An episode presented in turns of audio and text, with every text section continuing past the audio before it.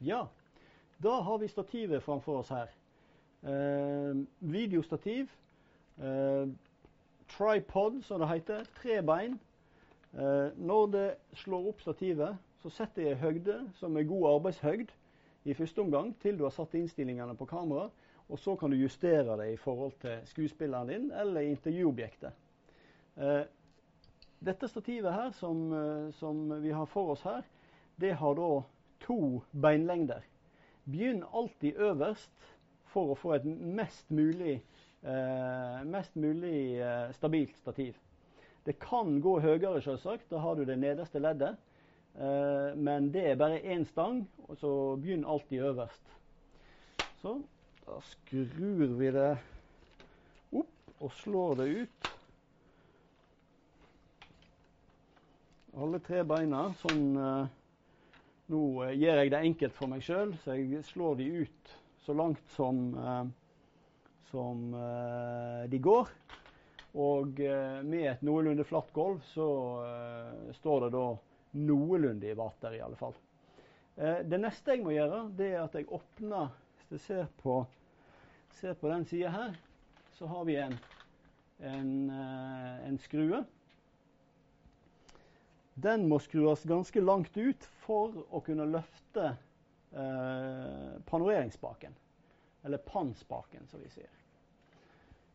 Løft den opp eh, dit du vil ha den, og skru den fast.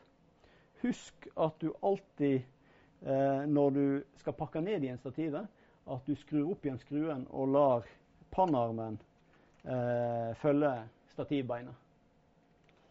Så jeg fester den.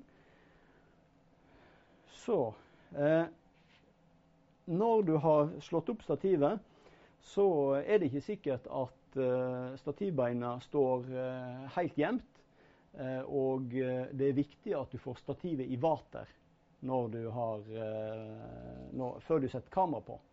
Så under stativhodet så fins det en lås, den her. Og når du åpner den, så kan du justere på hodet. Så jeg skrur den opp. Bak på, bak på stativet så er det et lite vater. Eh, så når jeg løsner den her, så er stativhovet løst, og jeg kan finne vateret og låse mekanikken fast. Og Da vet jeg at uh, kamera, når jeg setter på stativet, er i vater. Stativhodet har noen uh, funksjoner. Um, bevegelsene for et kamera er jo alltid en eh, eh, horisontal bevegelse, som vi da kaller for pann, eller panorering. Og eh, til den panoreringen så fins det en, en, lås. Så jeg kan låse panoreringa mi, og vær forsiktig så du ikke drar i panoreringsbakken når den låsen er satt fast. For da ødelegger du lamellene inne i, uh, i uh, hodet. Så husk, åpne den før du panorerer.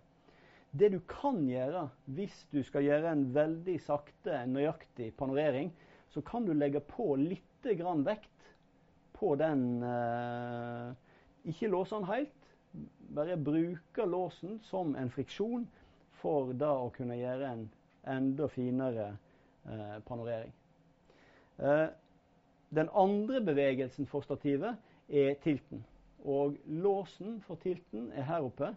Det gjelder det samme her. Løsne den før du, eh, du gjør tilten.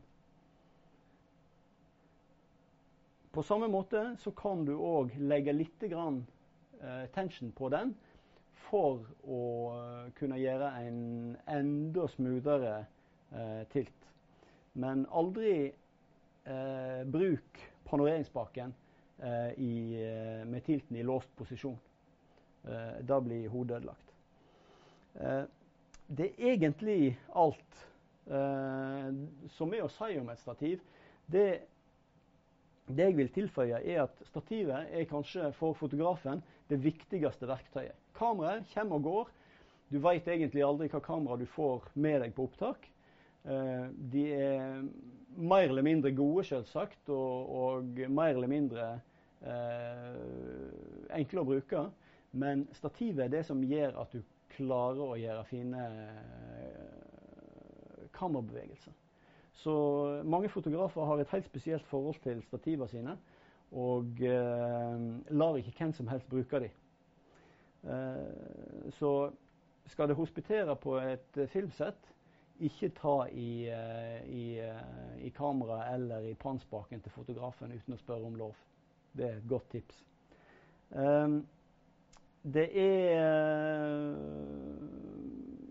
Dette her er et forholdsvis rimelig stativ, men et veldig lett og enkelt stativ å bruke.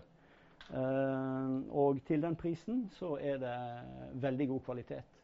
Det eneste som kan ødelegge det, er om du eh, ikke er forsiktig med, med, bremsene på pann og tilt, eller at du kaster det inn bak i en bil og skader stativbeinet. Men ellers så vil dette fungere eh, i lang, lang tid. Og det vil kunne gjøre fine filmer med dette stativet.